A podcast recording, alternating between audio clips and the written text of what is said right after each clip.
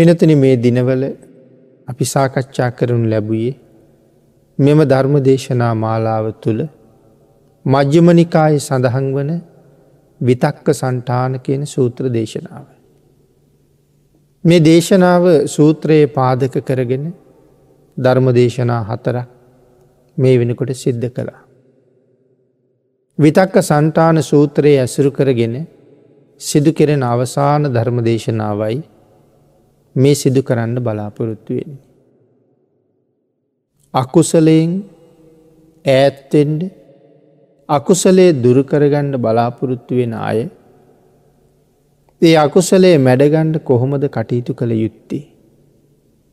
විශේෂයෙන් භාවනා වඩන භික්‍ෂුව තමන්ගේ මූල කර්මස්ථානයේ මෙනෙහි කරමින් ඉන්න අතරතුර උපදින අකුසල් සිත මැඩගන්නේ කොහොමද කියන කාරණාව තමයි මේ සූත්‍රයෙන් දේශනා කොට වදාළ.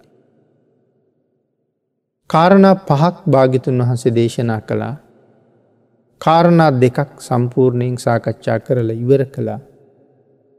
තුන්වෙනි කාරණාව හතරවෙනි ධර්ම දේශනාව ටිකක් සාකච්ඡා කළා. අපි ඒ කාරණාව මෙනෙහි කරලා එතනින් ඉදිරියට ධර්ම දේශනාව සිදු කරමු.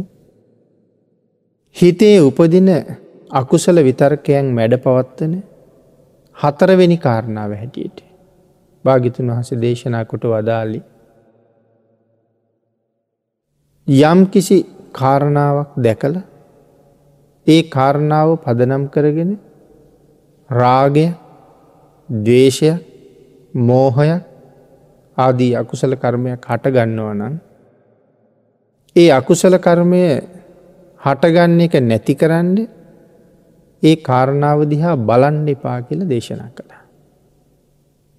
පැහැදිලි කළා යම් ඇස් තියෙන පුද්ගලයෙක් තමන්ගේ ඇස් දෙක ඉස්සරහට තමන් අකමැති දෙයක් මුණ ගැහුණොත්. අකමැති දෙයක් මුණ ගැහිච්ච ගමම්ම කරන්නේ ඒ අකමැති දේදිහා බලන එක නතර කරනවා. එක්කෝ අහක බලාගන්නවා එම නැත්තං ඇස්පියාගන්න. අන්න ඒ වගේ මේ අකුසල චෛතසිකයේ සිතට ඇතුල් වෙනවාත් එක්කම. ඒ අකුසලය උපන්නේ මොන හේතුව නිසාද. උප දින්න මොන කාරණාව නිසාද ආං ඒ කාරණාව මෙනෙහි නොකර ඉන්න කියලයි දේශනා කරලා තියෙන්නේ. පිනතන පැහැදිලි කළා මූල කර්මස්ථානය අරගෙන ඉන්න වෙලාවට අකුසල විතර්කයක් ඉපදුනහම. ඒ අකුසල විතර්කයේ මෙනෙහි නොකරම ඉඳල නැති කරගන්න උත්සාහ කරන්න කියලා. නැවත කර්මස්ථානයට එන්ඩ කියල සඳහන් කරන්න අකුසලය මග හැරලමයි.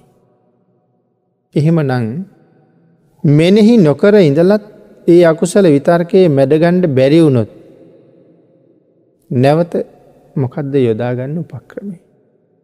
අපි එතෙන්ට එනකං හතරවිනි ධර්ම දේශනාව සාකච්ඡා කළා. නැවත යොදාගන්න උපක්‍රමේ තමයි තමන්ට පාඩන් තියෙන සූත්‍ර දේශනාව. පිරිත් සූත්‍රයක් වේවා ත්‍රිපිටකේ තියෙන සූත්‍රයක් වේවා මේවාගේ දේශනාවක් අරගෙන හයියෙන් හඬනගල කියවන්න කිව්වා. මේ අකුසල විතර්කයෙන් බැහැරවෙන්ට. එතකොට තමන්ගේ හිත ඒ කාරණාවට යොමුවෙච්ච නිසා මතක් වෙන අකුසල නිමිත්ත අමතක කරන්න පහසුයි. එහෙම නැත්තං දේශනා කළා තමන් ළඟ තියෙනවන බුදුගුණ දහම්ගුණ සඟගුණ අන්තර්ගත වෙච්ච කිසියම් පොතක්. ආං ඒ පොත අරගෙන තුනුරුවන් ගුණ සජ්්‍යායනා කරන්න කියල දේශනා කළ. එතකොට අර අකුසල විතර්කය අමතක වෙලා යනවා. දැන් මේ භාවනා කර කර ඉන්න ගමන් තමයි මේ අකුසල විතර්කය පහළවෙන්න. එතකොට භාවනා කරන කර්මස්ථානයෙන් සම්පූර්ණයෙන් අයින් වෙනවා. ගොද අකුසල විතර්කයක් හිත ඇතුළේ පැනනගිනකොට හිතට සමාධියකට යන්න බෑනි. ඒ නිසා මූල කර්මස්ථානය එතනින් නතර කරනවා. නතර කරලා මේ ඇතිවුණ රෝගයට පිළියම් කරනවා. පිළියම් කරලා අපහු මූල කර්මස්ථානයට ගිහිල්ල කාරණාව දියුණු කරනවා. එ පිළියමක් හැටියට තමයි මේ තුනුරුවන් ගුණ සජ්්‍යහයනා කර කර මේක අත්හරින්ට උත්සාහ කරන්න.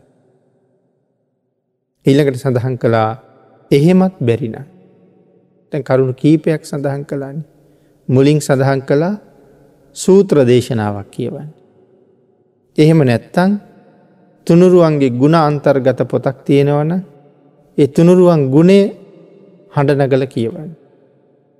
ඒ ක්‍රම දෙකෙන්ම බැරිවුණොත් සඳහන් කළා එදිනෙදා කටයුතුවලට ගන්න භාණ්ඩ තමන්ගේ උපකරන මේ දේවල් දිහා බලන්ඩ කියලා. සාමාන්‍යයෙන් ඉන්න තැන එදිනෙදා අපි ප්‍රයෝජනයට ගන්න දේවල් තියෙනවා. ඉදල කොස්ස ගිනි දල්වන දරලී සමහරලාට උදැල්ල ප්‍රේක්කයක් මේ ආදී එදිනෙදා පරිහරණයට ගන්න දේවල්. දෙව්ව දිහා බල නොමේ උදැල්ල මේ රේක්කයක් මේ ඉදල මේ කොස්ස මේ පුටුව ඒවාගේ ඒවාගේ ඒ භාණ්ඩ ගැන මෙනෙහි කරන්න කිව්වා. එහෙම මෙනෙහි කරනකොට උසලයෙන් මෙදෙන්ට පුළුවන් වෙයි කියලා. ඒ ක්‍රමයටත් බැරුව ගියොත්.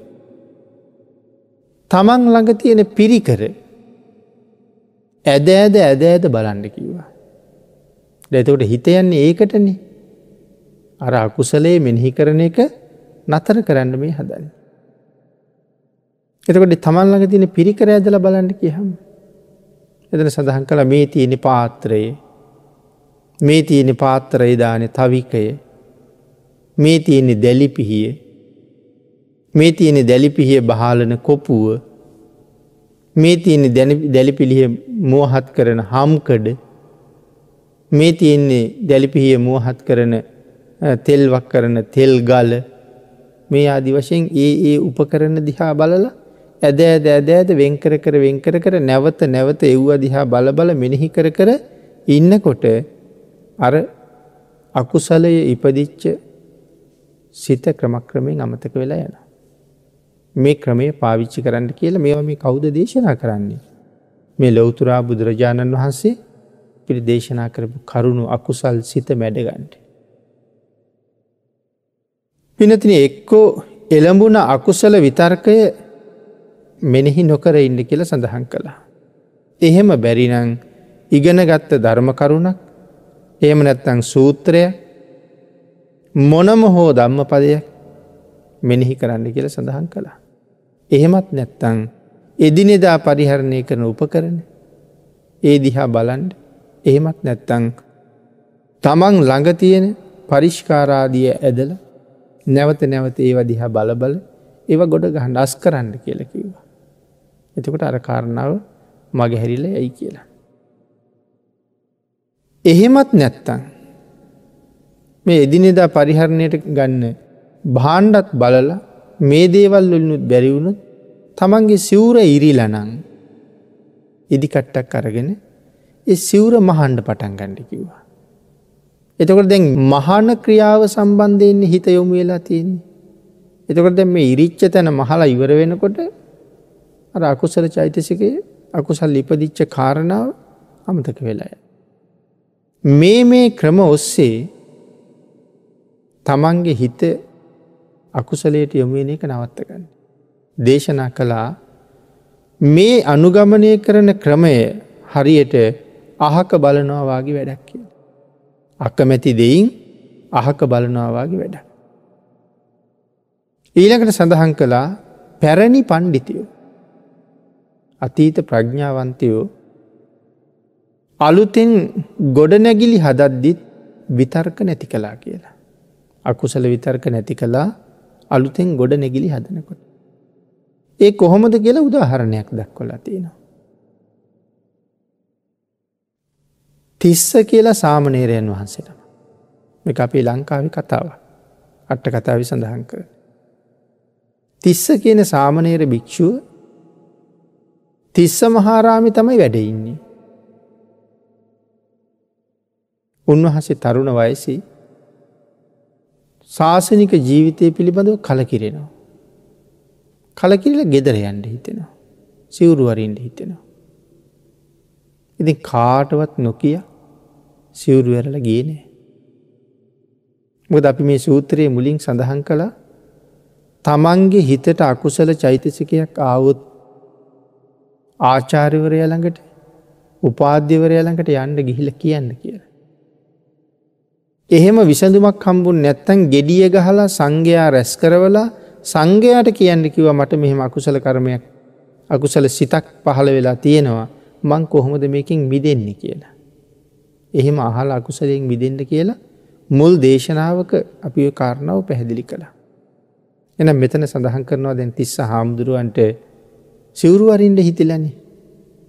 එනම් මේක ලොකු හාමුදුරුවන්ට කියලා බෑ කීවොත් මට යන් දෙන එකක් නෑ. එහෙම හිතලා ආමුදු තනියමම සිවරුවරලගේ නෑ. ලොකු හාමුදුරුකාවට ගිය. ගීල කීව ස්වාමීනී මට මෙහෙම කල කිරීමක් තියෙනවා. මට සිවරුවරල යන්ඩෝනේ. අතීත පණ්ඩිතයෝ ගොඩනැගිලි හදද්දිත් විතර්ක සමනය කලා කියලන අපි කීවේ. එතකොට තිස්ස හාමුදුරන්ගේ ගුරු හාමුදුරුව මේ පොඩි හාමුදුරුව කියන කතාව මොකක්ද කියලවත් ඇහුවනෑ. ලොක හාමුදුරුව පොඩි හාමුදුරුවන්ට කියනවා සාමනේර මේ කාලේ අපි ඉන්න විහාරයේ නාන පැන් දුරුවලයි. එකැනේ ඇඟපොත සෝදගණ්ඩ ජලය අඩුයි. ඒහින්ද මම ගෙනහිල්ලා සිතුල් පව්වට ඇරලවන්න කියලා. දැන් තමන්ගේ කාරණාව වෙන එකක් ඒත් දැන් ගුරු හාමුදුරුව වෙන කතාවක් කීවනි මාව සිතුල් පව්වට ඇරලවන්ඩ කියලා. එතකොට මේ ඇත්තටම කීකරු ශිෂ්‍යයෝ. දැන් ගුරු හාමුදුරුවෝ සිතුල් පව්වට ඇරලන්ඩ තියෙන නිසා අර සිවුරුවරණ හිත මදකට පාලනය කරගෙන දැන් සිතුල් පව්වට වඩිනවා. සිතුල් පව්වට වැඩිය හම ගුරු හාමුදුරු කියනවා සාමනේරේ. මේ විහාරය තියෙන මේ ඔක්කෝම කුටි සාංගීකයි. පෞද්ගලික කුටියක් වෙනම හදන්න කියලා. දැම ගෙදරයන්ට අහන් ආපු හාමුදුරුවන්ට කිය වෙනම කුටියක් හදන්න. තනියම හදන්ඩෝනි. තැන් උන්වහස තනියම මැටි කපල තනියම කණු හොයාගෙන ඇවිල්ල වහලිට උමං ආදිය සකසලා තියලා. මේ සියල්ලම සකස් කරගෙන දැන් මැටි අනාගෙන ගෙපොල හදාගෙන කනු හිටවගෙන තනියමම දැන් කුටිය හදනවා. කුටිය හදන වෙලාවී ලොක හාමුදුරුව මතක් කරනවා සාමනේරේ. දැන් මේ වෙලාවේ යම් කාරණාව ධර්මකාරණා කටපාඩන් කරන එක වටිනවා. ඒක බොහොම හොඳයි. වචනයෙන් වෙන අකුසලයන් වලක්ව ගණ්ඩයි මේ කියන්නේ. අං ඒ නිසා සංයුත්ත නිකාය කටපාඩන් කරන්න කියල කියන. කුටියත් හදනවා සංයුක්ත නිකායත් කටපාඩන් කරනවා. දැ කුටිය හැදීමේ කටයුත්තට හිතයොමු කරපු නිසා කයෙන් වෙන්ඩ තිබුණනං අකුසල කරමයක් දැන් එව්වගෙන් ඈත්වෙලා ඉන්නේ.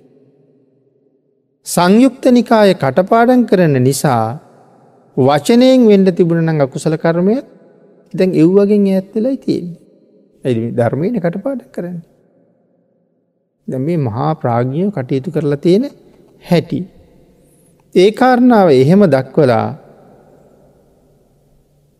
උන්වහසට සඳහන් කළා තේජෝ කසිනයත් වඩන්ඩ කියලා. දැ සංයුක්ත නිකායත් කටපාඩන් කරනවා තේජෝ කසිනයත් වඩනවා කුටියත් හදනවා. දැන් මෙහෙම යනකොට කුටිය වැඩ ඉවර වෙනවා. කුටිය වැඩ ඉවර වෙනකොට සංයුක්ත නිකායත් කටපාඩන් වෙලා ඉවරයි.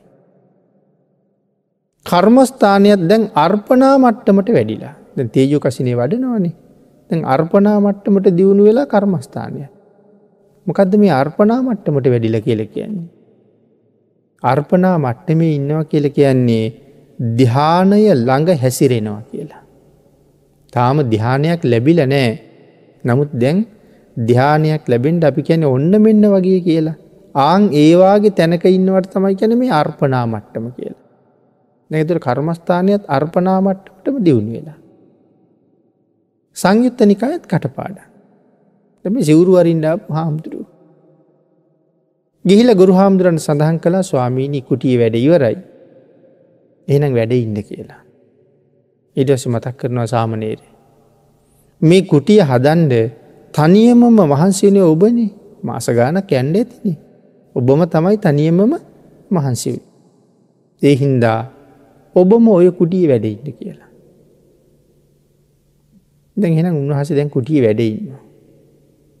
කර්මස්ථානයත් වැඩිලා තමන් හදාපු අලුත් කුටිය ඇතුළෙම උන්වහස රහත් වෙනවා. රහත් වෙලා එතනම පිරිනුවම් පෑව කියල සඳහන් කරනවා. ඒ ධාතුන් වහන්සේලා අරගෙන චෛත්‍යයක් නිර්මාණය කරපු බව සඳහන් කරනවා. දැන් බාණ්ඩකු තමන්ළඟට ආවේ වෙන කාරණාවක් අහන්ඩ. නමුත් ගුරු හාමුදුරුව යොමු කෙරුවේ හිතාපු නැති පැත්තකට. අන්තිමට තමන්ට ලැබුණ වාසනාව සංසාරෙන්ම එතරටයන්ට. මහා ප්‍රාග්ඥෝ ළඟ හිටිය හම අපිට ලැබෙන ලාභය මේ පැහැදිලි කරන්නේ. ඒම නැතුව එදා සිවුරු ඇරල ගියානං ආයිත් මේ සසරටමන බැහැගණ්ඩෝනි. එහනම් ගොඩ නැගිලි හදද්දිත් ඥානවන්තයෝ පණ්ඩිතයෝ මේ විතර්කයන් දුරු කරන්න කටයුතු කරනවා කියල සඳහන් කළේ මෙන්න මේ කාරණාවත් එක්. එතකොට පින්නතුන භාගිතුන් වහසේ සඳහන් කරපු කාරණාවට අට්ට කතා විසිහිපත් කරපු උදාහරණයක් තමයි අපි මේ සාකච්ඡා කරන්නට යෙදනේ ඊට අමතරව සිහිපත් කරනවා. උපාධ්‍යයන් වහන්සේගේ ප්‍රඥාව නිසා සිවුරු අරින්ට හිටිය කෙනෙක් සසරින් මිදුනා.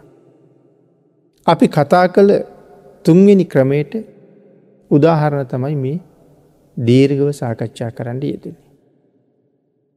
අකුසල චෛතසිකය උපදින දිහා බලන්නේ නැතුව ඇස් දෙක පියාගණ්ඩ කියල මුලින් සඳහන් කළා. අකමැති දෙයින් දකිින් අකමැතින ඇස් දෙක පියාගන්න. එහෙම නැත්තං අහක බලන්ඩ කියලා දෙවනි ක්‍රමයක් දේශනා කළා. ඇස් දෙක පියාගන්නවා කියලා කියන්නේ අකුසල විතර්කය මෙනෙහි නොකර ඉන්නවා කියන එකයි. අපි දහවල එදිනෙදා කටයුතු කරනකොට. නොයෙක් දේවල් දැකපු දේවල් ගැන අකුසල් ඇතිවෙනවා.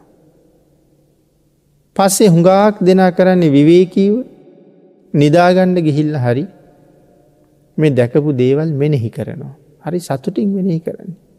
හැබැ ඒක රාගය දේශ සහිතව මෙනෙහි කරනවා. එක දවේශය මෝහයත් එක තියෙනවා. භාගිතුන් වහස දේශනා කරන්නේ පුළුවන් තරන් ඒ මෙනෙහිවෙරෙන එක අත්හරින්ට. අංඒකට කියනවා අකුසල විතර්කය මෙනෙහි නොකර ඉන්ඩ අහක බලාගන්න. එම නැත්තං වෙනත් කටයුත්තක යොදවනවා කියලා කියන්නෙත් ආක බලනවා කියනෙ. ඇස් පියාගණ්ඩ අහක බලන්න. කියන කරුණු පැහැදිලි කළා.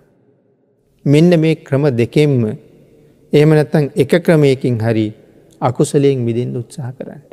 අහක බැලීමෙන් හෝ ඇස්පියා ගැනීමෙන් කියන කාරණා දෙකින් කෝකෙන් හරි අකුසලයෙන් මිදෙන් උත්සාහ කර. අකුසල චෛතසක මෙනෙහි නොකර ඉන්නවා කියන කාරණාවත් ආක බලනවා කියන කාරණාව. ඉළඟට පිනතින හතරවෙනි ක්‍රමයක් දේශනා කරන. හතරවෙනි ක්‍රමේ තියෙන්නේ අකුසල විතර්කයන්ගේ මුල මෙනෙහි නොකරන්න කියල කියනවා කොයි විදිහෙද කියල සඳහන් කරනවා විතක්ග සන්ටානය මුල මම මෙහෙම දෙයක් හිතන්නේ ඇයි. මෙහෙම දෙයක් කරන්නේ ඇයි. මෙහෙම දෙයක් හිතන්ඩ මට මුල් වනේ මොන කාරණාවද කියලා ඉස්සල්ල මුලටම යන්න කියල සඳහන් කළා. මේ අකුසලය සිතුවිල්ල ඇතිවෙන්ඩ ඉපදුන මූල කාරණාව කොතනද තියෙන්නේ කියන කාරණාවයි හිතන්ට කිය. ඒක සඳහන් කළා දී ඇති උදාහරණයක් එක් පුරුෂයෙක් ඉතා වේගෙන් දුවනවා. වේගෙන් දුවපු මේ මනුස්සයා දැන් දුවන එක නතර කරලා හයියෙන් ඇවිදගෙන යනවා. දුවන මනුස්සය හිතන මංමකටද දුවන්නේ. ද දුවන එක නවත්තල හයියෙන් ඇවිදිනවා.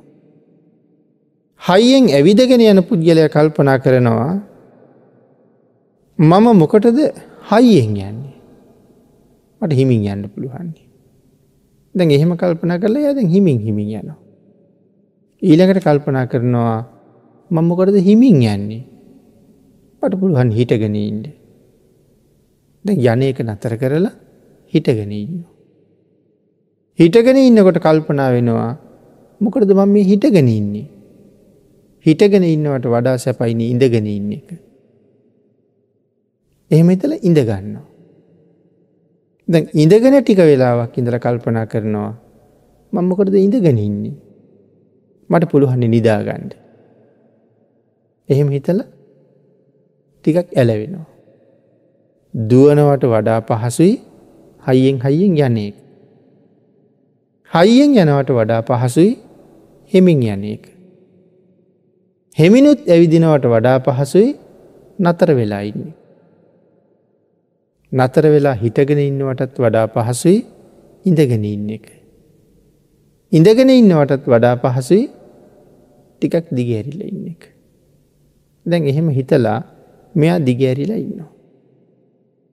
මේ කාරණාව විස්තර කරනවා පින්නතින මේ විදිහට හිත හිතා සියුම් සියුම් ඉරියව්වලට මේ පුද්ගලය මාරුවෙන. අන්න ඒ වගේ විතර්කයේ මුල හොයලා. ඇත්තටම මොකටද මං මේක හිතන්නේ.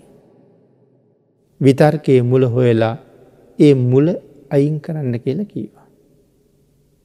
අපිගේම රාගසිතක් පහළ වුණා කියලා. දැන් රාග සිතක් විතරයි තියෙන්නේ. කවදාවත් එතනින් එහාට කිසිම ක්‍රියාකාරකමකට යන්නේ. ක්‍රියාකාරකමට නොගියට රාග සිත කියල කියන්නේ අකුසලයක්. රාගසිත අකුසලයක්. එහෙමනම් ක්‍රියාකාරකමකුත් නැතුව සිතවෙලි මාත්‍රයෙන් විතරක් මං මොකට දකුසල් රැස් කරන්නේ. මේ හිත හිතා ඉන්න එකේ තේරුමක් තියෙනවද. තේරුමක් නැත්තං අකුසලයක් විතරක් මොකට හොයෙනවද. කියන කාරණාවට ගිහිල්ලා එක අත්තරල දාන්ට කියල මේ කියන්න. මුල්ලම හොයාගෙනයන්ට. ඇතන් තරහක් ඇති වුණා. මොකක් නිසාද තරහ ඇති වුණේ. මම තැනක තියාපු දෙයක් තව කෙනෙක් අරගෙන වෙන තැනකින් තියලා. මම තියාපු තැන තිබුණේ නෑ කියල තමයි මේ මහා දේශයක් ඉපදිලා තියෙන. ඇත්තටම ඒක මෙච්චර කේන්ති ගණ්ඩ කතානොකර ඉන්ඩ රණ්ඩු සරුවල් කරන්න ගහගණ්ඩ තරම් වටින දෙයක්ද. කියල කල්පනා කරලා ආංගේ විතර්කයෙන් විදෙන්ඩ කියල කියනවා. මුලට ගිහිල්ල මුලින් මෙනෙහි කරන්න මොකක්ද මේක කිය. පිනතුනී මේ ක්‍රම හතර අපේ බුදුරජාණන් වහස පැහැදිලි කරනකොට හතරවෙනි ක්‍රමයේදී අට්ටකතාවි කියල තියෙනවා විතක්ක සංකාර සන්ටහනන් කියල කාරණාව. විතක්ක සංකාර සන්ටහනන්. මේක නිතරම මෙනෙහි කරන්න කියනවා.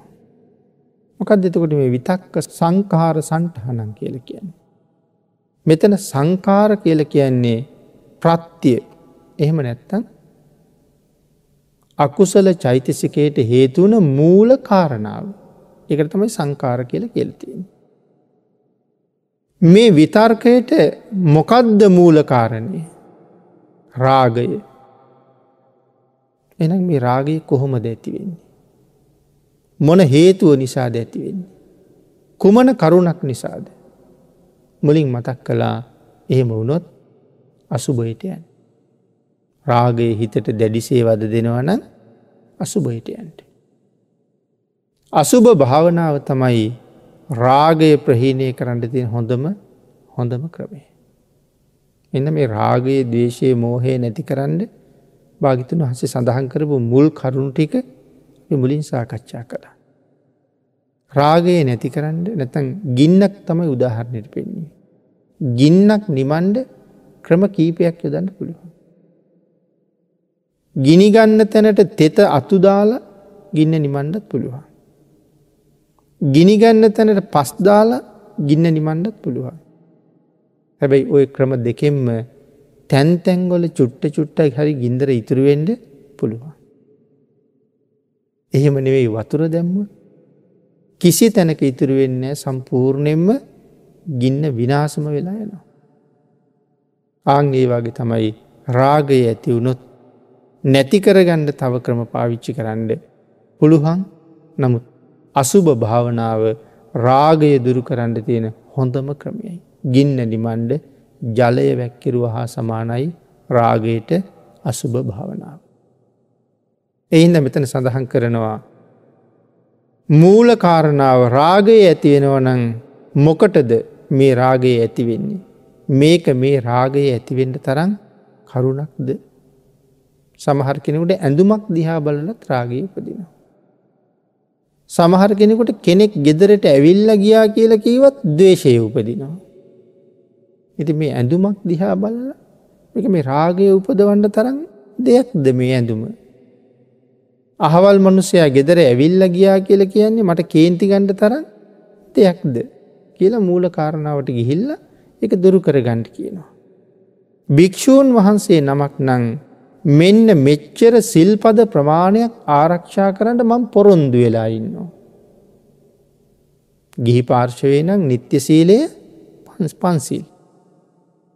සාමනේර ස්වාමීන් වහන්සේ නමකගේ නිත්‍ය සීලය සාමනේර දස සීලේ එතන සිල්පද දහයක් තියෙනවා. දිවි හිමියෙන් මේ සිල්පද ආරක්ෂා කරනවා කියලා පොරොන්දුවක් දීලයි තියෙන්නේ.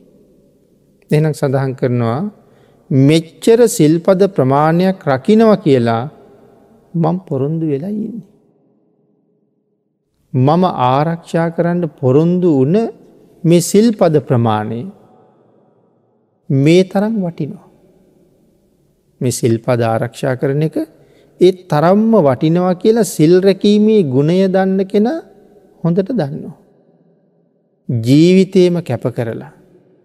සිල්රකින්න පොරොන්දු වෙච්ච මම ඒ රකින සීලයේ කඩන්ඩ තරන් වටිනවද කියලා හිතන්ඩුවන. රාග සිතක් අරගෙන මේ රකින සසර පුරා මට සුවයක් උදා කරලා දෙන මතු සංසාර ජීවිතයේ නිවන් දකිනතුරු සැපවත් කරන මේ මහා උතුම් සීලය කඩන්ඩ වටිනවද. පිනතින මේක ඕන කෙනෙකුට එකතු කරගන්න පුළුව.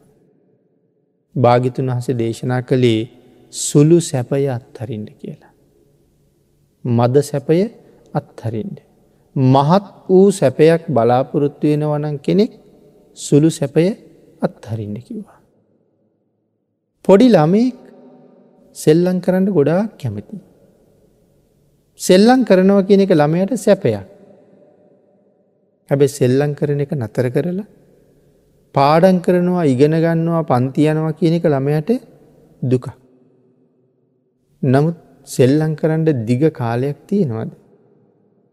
අවුරුදු දාහතක් අවුරුදු දහටක් විතර සෙල්ලමින් ගත කරයි. ඊට පස්සේ ටික ටික ජීවිතය වගකීමෙනවා.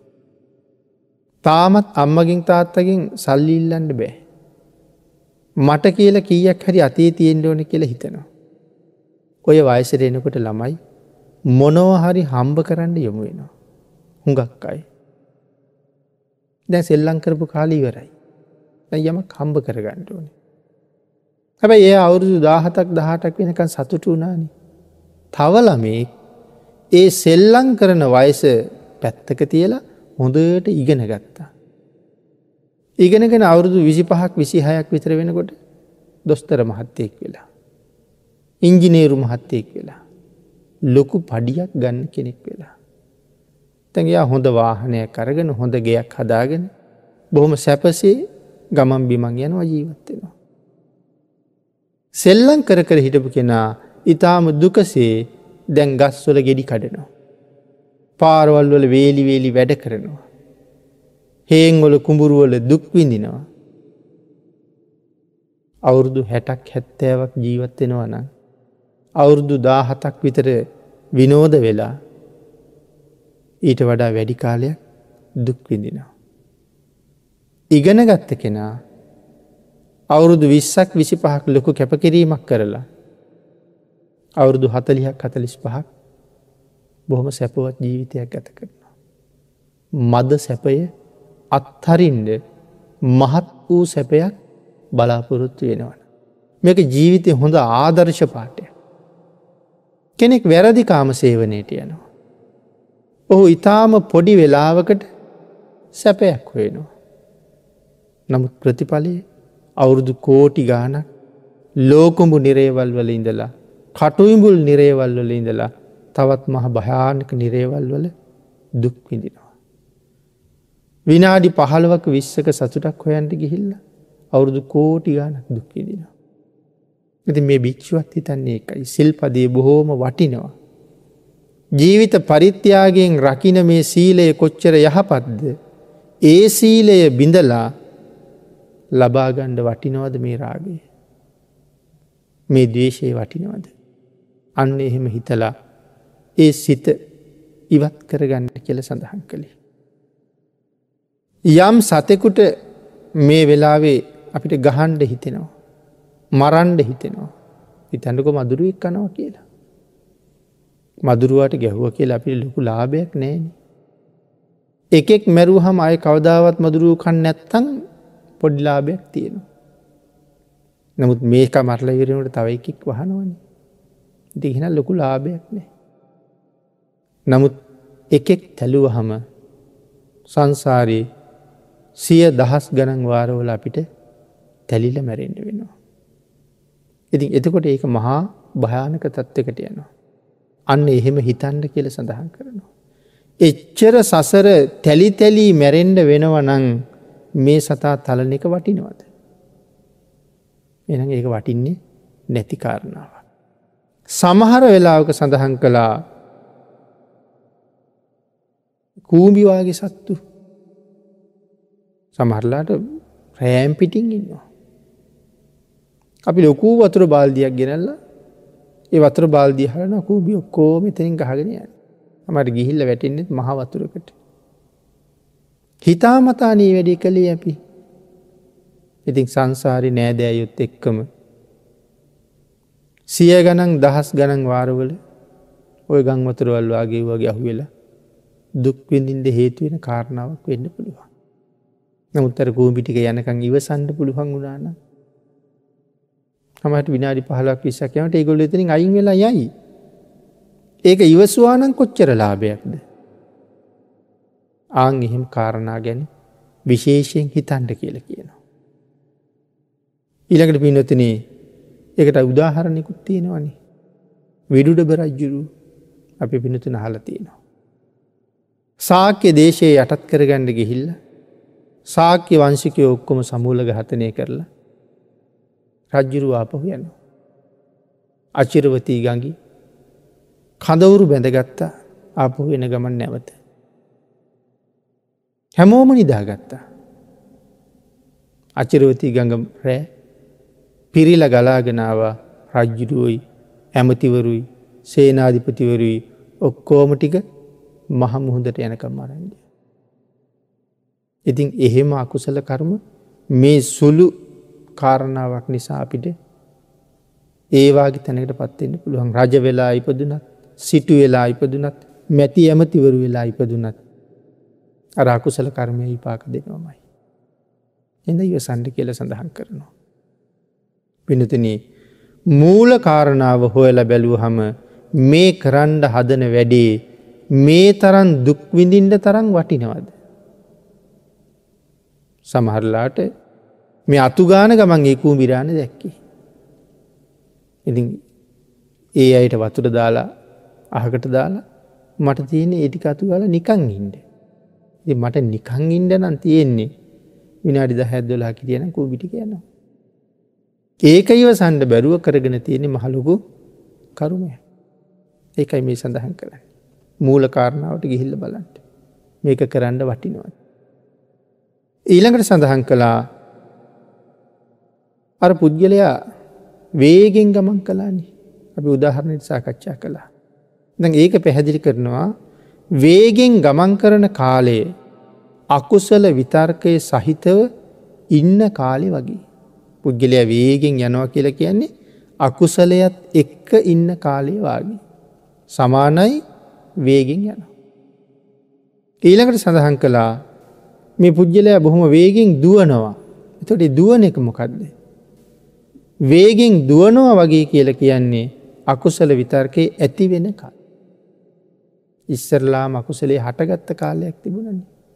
ඒ හටගත්ත කාලි වේගෙන් දුවනවා වගේ. එතකොට හයියෙන් යනවා කියල කියන්නේ ඒ හටගත්ත විතර්කයත් එක්ක අපි ජීවත් වෙන කාලේ හයියෙන් හයියෙන් යනවා වගේ. ඊළකට හයියෙන් ගියපු කෙනට හිතවන මොකටද ම හයියෙන් යන්නේ හෙමින් ගියානම් හොඳයි කියලා. එතකොට හෙමින් ගමන් කරන කාලය අකුසල විතර්කය අයින් කරගණ්ඩ උත්සාහ කරන කාලි. අකුසලේ ඇවිල්ල ඉතින්ද අකුසලේ මිදෙන්ඩ ඕනෑ. ඒකට උපායවල් හදනවා දැන් අකුසලයෙන් මිදෙන්ට. ඒකට කියනවා හෙමින් ගමන් කරන කාලය කියලා. එතකොට හෙමින් ගමන් කරපු කෙනාට හිතුනා මොකරදමං හෙමින් යන්නේ නතර වෙලා ඉන්නවනේ. ඊට පස්සේ සඳහන් කරනවා හිටගෙන ඉන්නවා කියලා කියන්නේ ඇතිවෙන අකුසල විතර්ක නතර කරලා මූල කර්මස්ථානයට නැවත යන. භාවනා කර කර ඉන්නකොට අකුසලේ ඇතිවුණේ. දැන් එතකොට නතර වුණා කියලා කියෙන අකුසල ටික ඔක්කොම අයින් කරනවා. අයින් කරලා ආය පාරක් මොකේට දෙයන්නේ තමන් කර කර හිටපු භාවනාවට යනවා. කාරණව අපේයට පැහැදිලි ඇති අපිකම මෛත්‍රී භාවනාව වඩනෝ කියලා. මෛත්‍රී සිත පතුරෝ පතුරෝ ඉන්නකොට හදිසියේ හිතර දේශ සිතක් එනවා. වෛර සිතක් එනවා. එ වෛරයයි මෛත්‍රයයි දෙක ප්‍රතිවරුද්ධයිනි. අන්න ඒක හින්දා. දැන්ගේ වෛරී සිත අයින් කරන්න මෛත්‍රී සිත පැත්තක තියලා ඇවිල්ල මේ අකුසල සිත නැති කරගන්නට කටයුතු කරනවා. අකුසල සිත ඇතිවෙන කාලෙ වේගෙන් යනවා ඒ අකුසල සිතත් එක ඉන්න කාලේ හයියෙන් ගමන් කරනවා. අකුසල සිත නැති කරන්න ඕන කියල කටයුතු කරන එක හෙමින් ගමන් කරනවා. අකුසල සිත නැති කරගෙන නැවත මෛත්‍රී කර්මස්ථානයට යනවා කියන එක තමයි හිටගෙන හිටගෙන ඉන්නවා කියල කියන්න. ඊළකට ඉඳගෙන ඉන්නවා කියල කියන්නේ ඒ මූල කර්මස්ථානයේ වඩලා රහත් වනා කියන එකයි. මොකරද මම හිටගෙන ඉන්නේ මං ඉඳගණ්ඩ ඕනැනි කෙල ඉඳගත්තා. එතර ඉඳගත්ත කියල කියන්නේ කර්මස්ථානී දියුණු කරලා රහත් වනා කියන එකයි. ඊට පස්සෙ කල්පනා කලා මොකටද මම ඉඳගෙන ඉන්නේ දිගඇරල හිටියන හොඳයි. එන මොකද මේ දිගඇරල හිටිය කියලගෙනත නිදාගත්ත කියල කියන්නේ. නිදාගත්ත කියල කියන රහතන් වහන්සේ නිවන අරමුණු කරලා පල සමාපත්තියට සමවදිනවා කියන එකයි. එනම් පැහැදිලි කලා රහතන් වහන්සේට වෙන කරන්න දෙයක් නෑ. තමන් වහන්සේ විසින් වෙහෙසිලා වෙහෙසිලා පාරමී පුරලා ගුණපුරල ලබාගත්ත උතුම් අර්හත්තේ. ඒ උතුම් සුවය සමාපත්තියෙන් බුක්ති විඳිනවා සමාපත්ති සුවය විඳිනවා. සඳහන් කලා මෙතනට එක ජාතක කතාවක්. අපිගේ මූල අකුසලේ මුල හොයන්ට කෙල් නිස්සරල.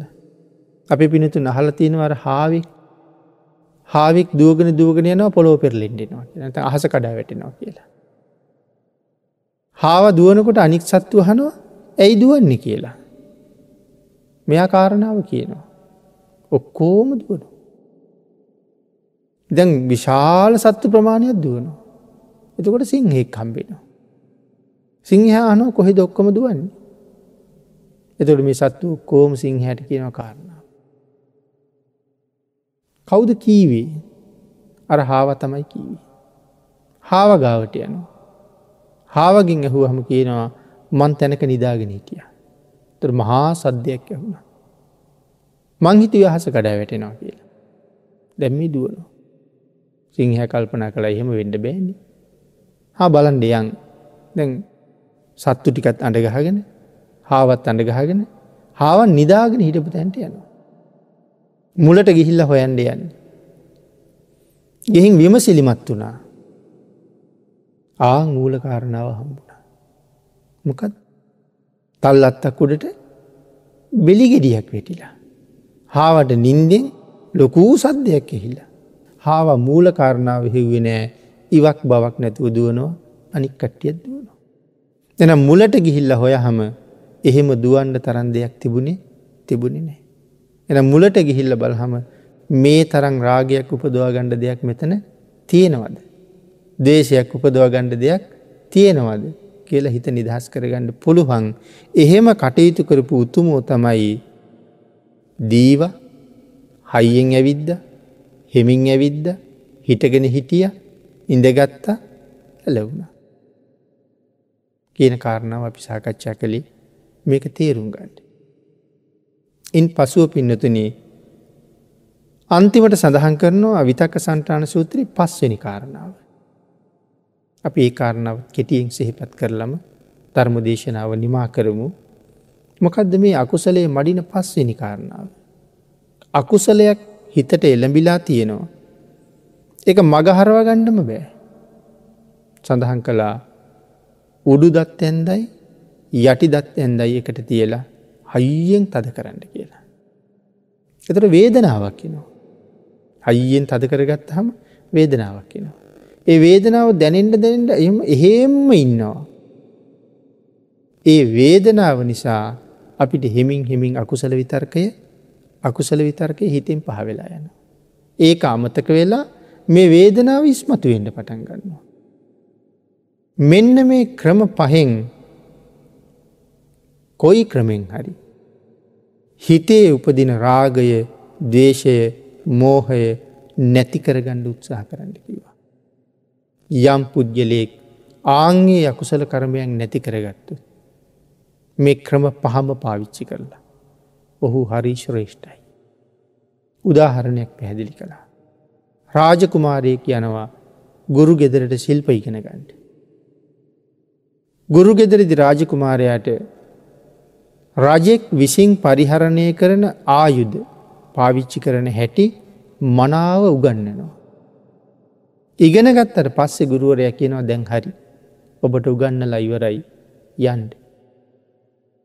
ඔබ ගිහිල රජවෙන්ට දැන් රජකුට අවශ්‍ය ඔක්කොම ඉගෙනගෙන ඉවරයි. ඔබ රාජ්‍ය කරන කාලේ හතුරුව එන්න පුළුවන්. හතුරු අවුත් මුලින්ම ගණ්ඩ දුන්න. දුන්නින් පහර දෙන්න උන්ට ඊතල විදින්ට.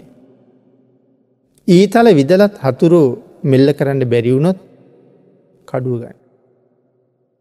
කඩුව පාවිච්චි කරලත් හතුරු මෙල්ල කරන්න බැරිවුණොත් ඊළඟ ආයුධයටයන්.